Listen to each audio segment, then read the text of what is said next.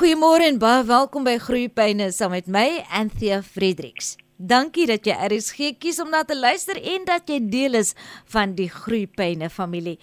Kan jy glo ons is byna aan die einde van Oktober en daarna is dit al die pad afdraand met hierdie jaar 2023.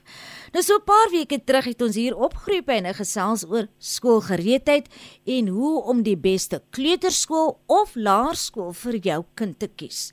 Nou vanoggend sit ons hierdie onderwerp voort oor skoolgereedheid want elke jaar wonder ouers van graad R kinders of hulle kinders werklik skoolgereed is.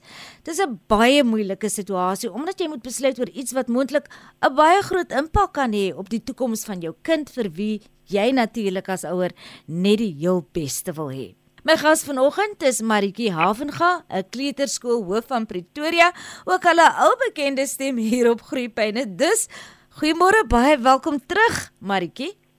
Baie dankie en vir jou, is altyd lekker om met jou te praat. Nee ja, ek het in die inleiding gesê dis 'n baie groot besluit wat gemaak moet word. Dis 'n besluit wat 'n lewenslange impak kan hê en ek wil graag by jou 'n paar riglyne hê oor wat ouers en onderwysers kan doen om daardie groot besluit makliker te maak. As ja, die ding is ons kan nie ouderdom as die enigste oorwegende faktor gebruik om te bepaal of 'n kind skoolgereed is nie. Nou die departement van basiese onderwys vereis dat 'n kind formeel skoolpligtig is in die jaar wat hy of sy dan nou 7 word. Maar dit is eintlik baie problematies as ons skoolgereedheid net aan ouderdom koppel omdat elke kind teen hulle eie tempo ontwikkel. So daar's verskillende faktore wat bydra tot 'n kind se ontwikkeling. En um, as ons nou byvoorbeeld kyk na premature geboorte, of blootstelling aan skoolgereedheidsvaardighede. Dinge soos dit het alles 'n invloed op hoe vinnig 'n kind kan ontwikkel en dit is nie aan 'n ouderdom gekoppel nie. In Suid-Afrika mag leerders reeds van 5 en 'n half jaar oud graad 1 toe gaan. So dit is moontlik dat jou graad 1 kind in 'n klas kan sit met kinders van 5 en 'n half tot 8 jaar oud. Dit is nou as 'n kind byvoorbeeld teruggehou is in een klas en 'n ander kind het herhaal of gedryf. So groot kan die ouderdomsverskil in 'n klas wees. En daarom is ouderdom 'n baie moeilike manier om dit te bepaal. So ons moet kyk na ander ontwikkelingsareas soos die sosio-emosionele ontwikkeling, die fisiese ontwikkeling en die kognitiewe ontwikkeling van 'n kind, want dit is wat nodig is om te kan bepaal is 'n kind werklik skoolgereed. Natuurlik as mens nou kyk na al die aspekte wat jy sopas opgenoem het, het nou verwys na kinders. Ek wil net hierdie vraag vra, kinders wat al teruggehou is of kinders wat gedryp het, is daar reeds op daardie vlakke uitkomsgebaseerde kurrikulum waar volgens kinders gemeet word oor of hulle moet agterbly en of hulle maar die volgende jaar kan aanpak? Ja, die graad R leerders het reeds 'n uh, kurrikulum wat hulle volg. Um, hulle volg dieselfde kurrikulum as die grondslagfases. Ons ken dit eintlik as CAPS of die KBV en daar is sekere uitkomste waaraan hulle moet voldoen. Die enigste ding is die sosio-emosionele ontwikkeling van 'n kind word nie altyd opgetel in hierdie leeruitkomste nie. So 'n kind kan akademies goed doen of goed presteer op skool, maar hulle kan nog steeds nie heeltemal skoolgereed wees nie.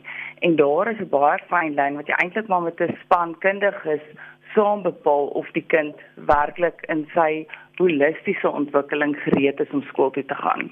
Nou ja, met skoolgereedheid was jou antwoord op my heel eerste vraag rondom ouderdom as nie die enigste bepalende faktor nie. Jy het nou so vlugtig maretjie geraak aan sosio-emosionele ontwikkeling. So vertel 'n bietjie van die ander hooffaktore wat 'n rol kan speel wat skoolgereedheid betref?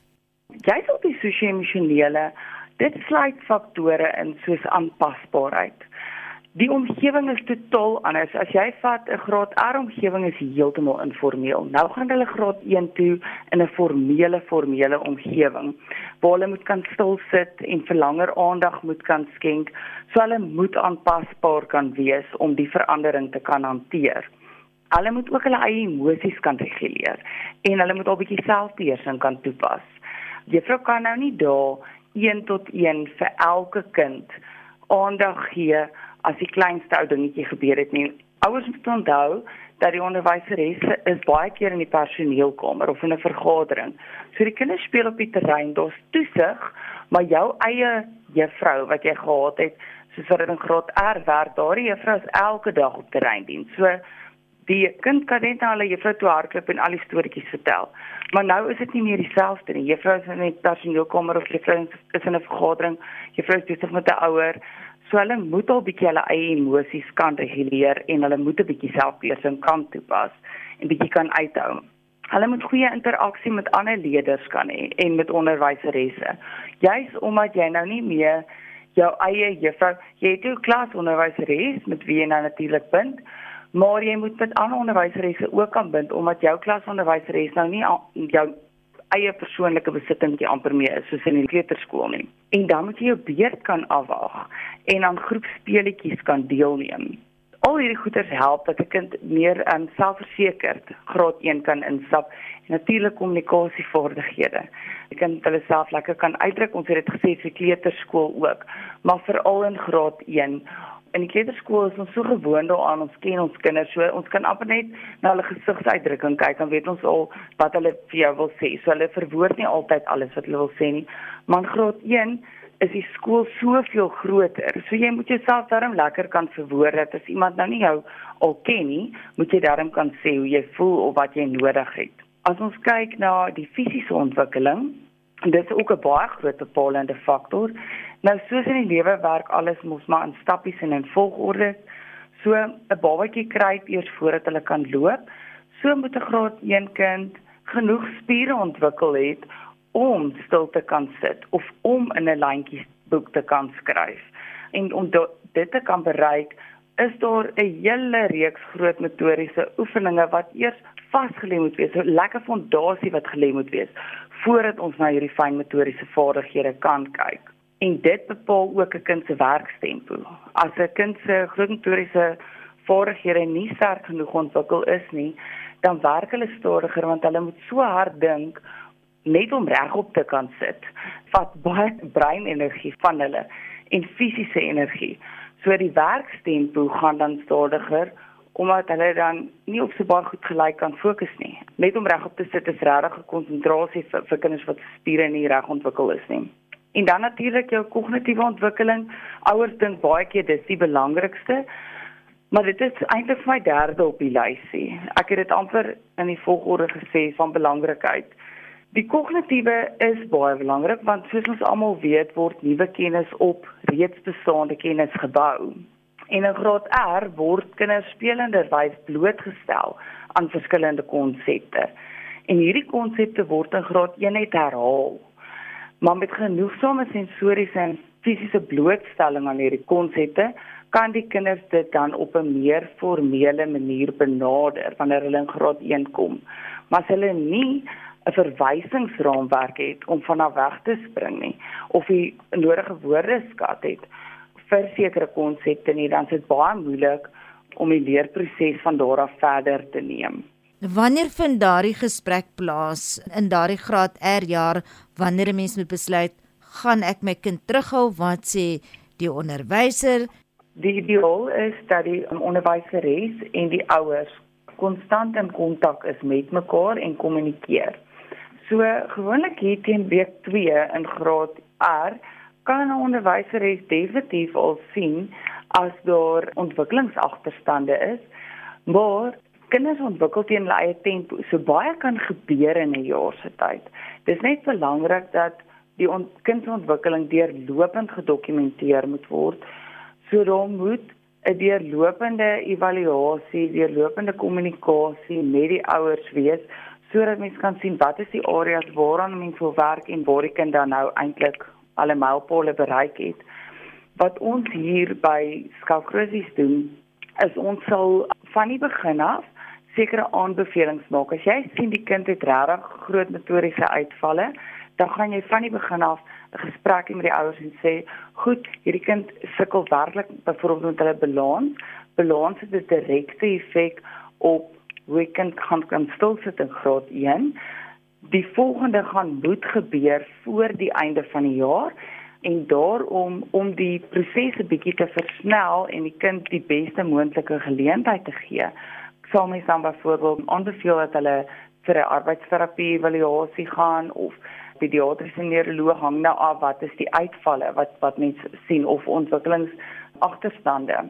So dan kan dit gebeur dat in daardie jaar as gevolg van deurlopende kommunikasie en terapie en intervensie van die skool se kant af kan 'n kind dan so vinnig ontwikkel en natuurlik ook as gevolg van die kind se natuurlike tempo van ontwikkeling. Mens kan nie bepaal wanneer daardie spesifieke kind vinniger of stadiger gaan ontwikkel nie, maar blootstelling help definitief.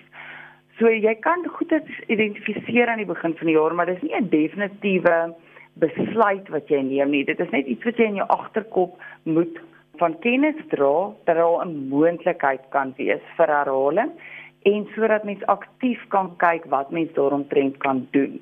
Hier teen Junie maand gaan jy sien het die tempo van ontwikkeling al verbeter. Waar staan die kind nou in terme van die res van die graadgroep? En baie kere kinders wat aan die einde van die jaar vir jaar kom hierso by Augustus, September, dan is hulle lekker by. Dan lyk dit soos of jy definitief wil sê die kind definitief skoolgereed. Die kind kan nou definitief graad 1 toe gaan. Maar wanneer daai kind in graad 1 kom, gaan hulle weer bietjie aan die begin van die jaar stoei, net om weer by Augustus September maand te kom.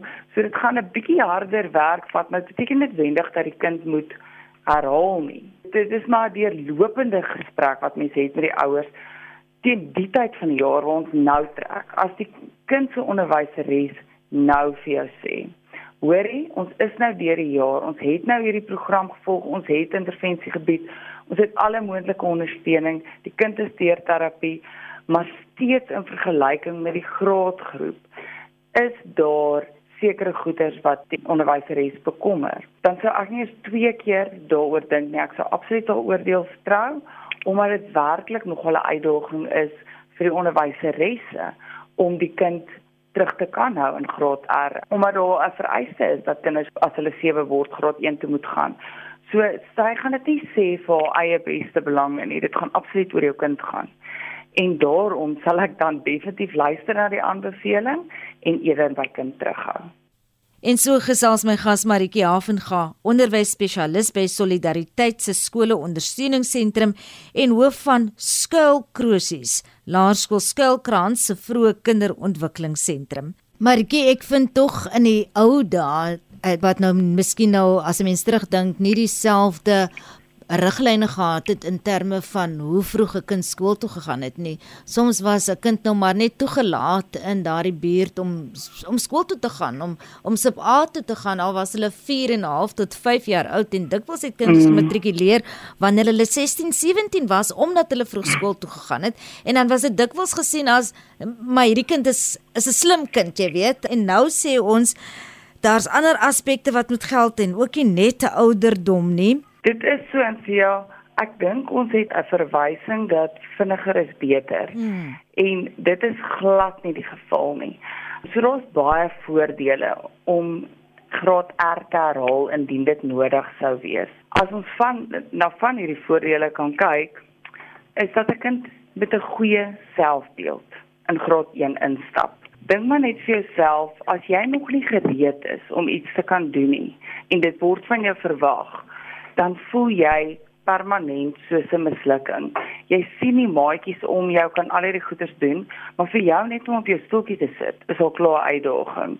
So jy begin eintlik in jouself te twyfel, waar as die kind net 'n bietjie meer blootstelling gekry het en 'n bietjie meer ondersteuning gekry het en ekstra tyd en en tyd is vir my eintlik die belangrikste van al dan sou dit vir daardie selfde leerder 'n jaar later ook moontlik gewees het en hulle kon hulle skoolloopbaan met 'n gevoel van sukses afgeskop het. Maar nou het hulle hierdie mislukking wat hulle heeltyd ervaar. En die ander ding is as jy in 'n informele omgewing is, soos wat die graad R omgewing is, dan kry jy die geleentheid om teen jou eie tempo te ontwikkel sonder die druk van die vreeslike formele kurrikulum vereistes. Daar is 'n kurrikulum en daar is um mylpaale wat jy moet behaal, maar daar is nie punte aan betrokke nie. Um en die verwagting wat wat geskep word is 'n bietjie minder dit omdat dit deur 'n spel manier op 'n spelender wyse aan die kinders blootgestel word. En in graad R die werkswyse wat in graad R gevolg moet word is die rotasiestasie model waar gemiddeld so 3 tot 5 leerders baie stasies saam met hulle klasonderwyseres werk. So dit gee vir daardie onderwyseres die geleentheid om vir persoonlike onderrig en leiding te gee aan elke kind in hulle klas. So die moderne manier of die metode wat eintlik aanbeveel word is die staatsirritasie model vir hoërgrade ook. Maar ons sien dat die ou tradisionele manier nog in in baie skole gevolg word. En in in so tradisionele manier waar die onderrig slegs klassikaal plaasvind, kan jy kry dat daar een onderwyseres vir 40 kinders op 'n slag moet leer lees en skryf. Ons kan almal dink dat leer nie so suksesvol kan plaasvind nie, want dit is net nie daai selfde 1 tot 1 aandag wat jy in 'n rotasiestasie model sou kry soos wat in graad R gevolg word nie. En die kans is baie goed dat 'n kind wat graad R herhaal het, suksesvol graad 1 sal wees en graad 1 sal slaag. Nou dit vat dan daardie hele ding dat die kind gedryf het weg, omdat die kind het nie gedryf nie. Dit was 'n ingeligte besluit wat die span wat bestaan uit um, ouers, opvoeders en terapeute wat hulle saamgeneem het in die kind se beste belange. So daardie kind het nêrens op rekord dat hulle gedryf het nie. Jy kan nie graad R dryf nie. Jy kan slegs deur 'n span ingeligte mense 'n besluit neem dat die kind graad R moet herhaal waar as jy graad 1 toe gaan en jy was nie skoolgereed nie, dan dryp jy. En vir die res van jou lewe gaan jy voel ek het 'n graad gedryp en dit bly by jou. En mens kan dit alles uit die weg ruim deur die kind net ekstra tyd in graad R te gee. So daar's baie voordele om eerder die graad te herhaal waarvan selfbeeld vir my eintlik die grootste is. Maritjie, wat sou die nadele wees van graad R herhaling? As ja, As 'n kind graad R moet herhaal, dan is dit vir my net voordelig, maar die ouers het baie keer 'n sosiale stigma oor sekere dinge byvoorbeeld. Hulle sal dink dat dit, dit gaan lyk of die kind gedryf het. En dit sal van tyd tot tyd opduik in die skool ook. As 'n kind ouer is, kom ons sê hulle is nou 'n jaar ouer as hulle graadgroep, dan gaan die maat vra, "Hoor, hoekom as jy ouer het jy gedryf?" en dan moet die kind nou weer van voor af verduidelik nee ek is in graad R terughou nou wat baie daar help is absoluut die ouers en die skool se ingesteldheid rondom herhaling as jy positief voel as ouer daaroor en jy weet dit is in die beste belange van jou kind en jy kan dit so kommunikeer aan jou kind dan het jou kind ook selfvertroue om dit eenvoudig net vir die maats te kan sê nee ek my ma het besluit om in graad R terug te hou uh, want ek vir jaar sien nou maar byvoorbeeld Desember en hulle het gedink dit is beter dat ek eerder die oudste kind in die klas is as die jongste kind in die klas. En almal verstaan dit. Ek was graad 1 juffrou vir 'n lang rukkie en die kinders wat herhaal het dis ouers positief daaroor was. Hulle het eenvoudig net vir die maats in die klas gesê my maat gesê ek's net een keer 'n kind en ek kan nog 'n bietjie langer speel. So hulle was positief daaroor. Maar as 'n ouer skaam kry daaroor of dink daar's fout daarmee of nie verstaan hoekom dit gebeur het nie, dan gaan dit af op die kind want dan begin hulle ook skaam kry en dan weet hulle amper halfie wat om te sê nie ek was nie slim genoeg nie en hier het absoluut niks uit te waai met slim en dom nie. So dis belangrik dat die ouer moet inkoop daarin en dit moet kan verstaan sodat die kind ook in sosiale kringe weet hoe om hulle self te verwoord en met selfvertroue dit te kan benader. 'n Ander nadeel van herhaling is die sport. Jy gaan altyd in jou eie ouderdomsgroep moet kompeteer. So jy gaan as jy graad 2 is, dan neem jy teen die graad 3 leerders deel byvoorbeeld in atletiek, dit in alle sportsoorte.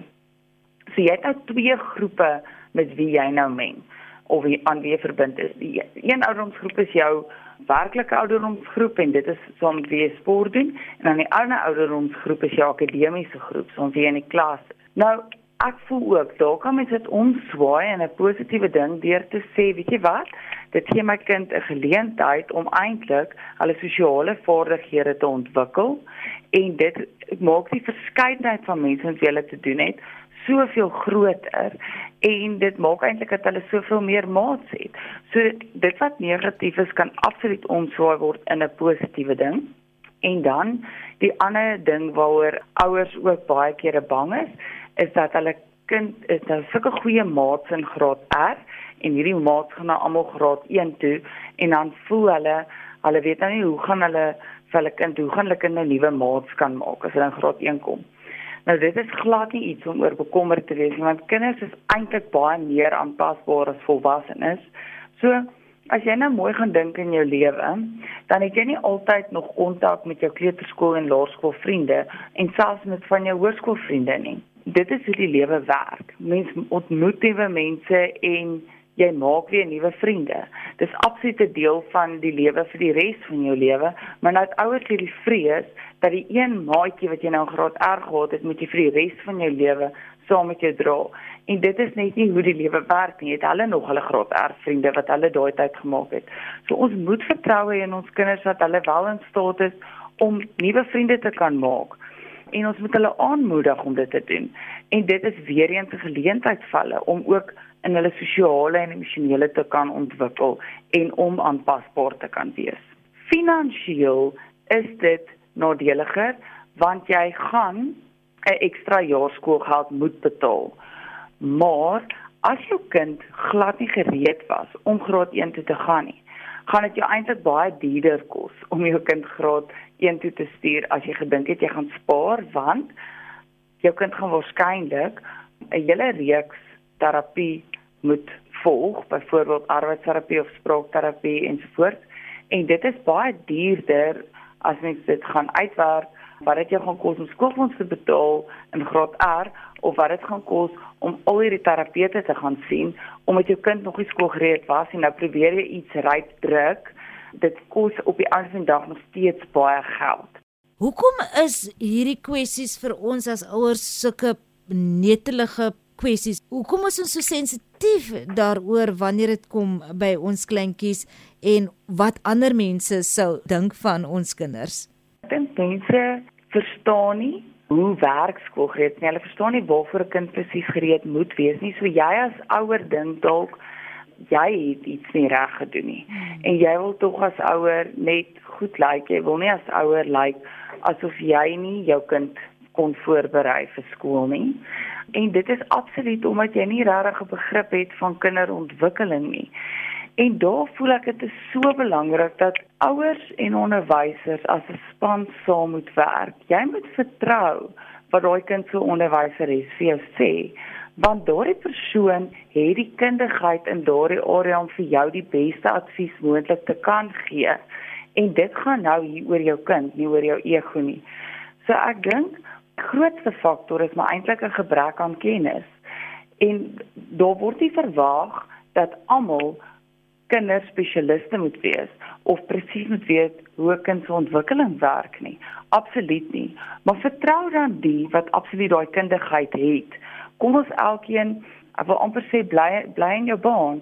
Vertrou die mense wat wat absoluut die kennis het hierin en dink aan jou kind. Die ego is so groot en dit gaan maar weer eens gesê die gebrek aan kennis oor hoekom jy daardie besluit neem.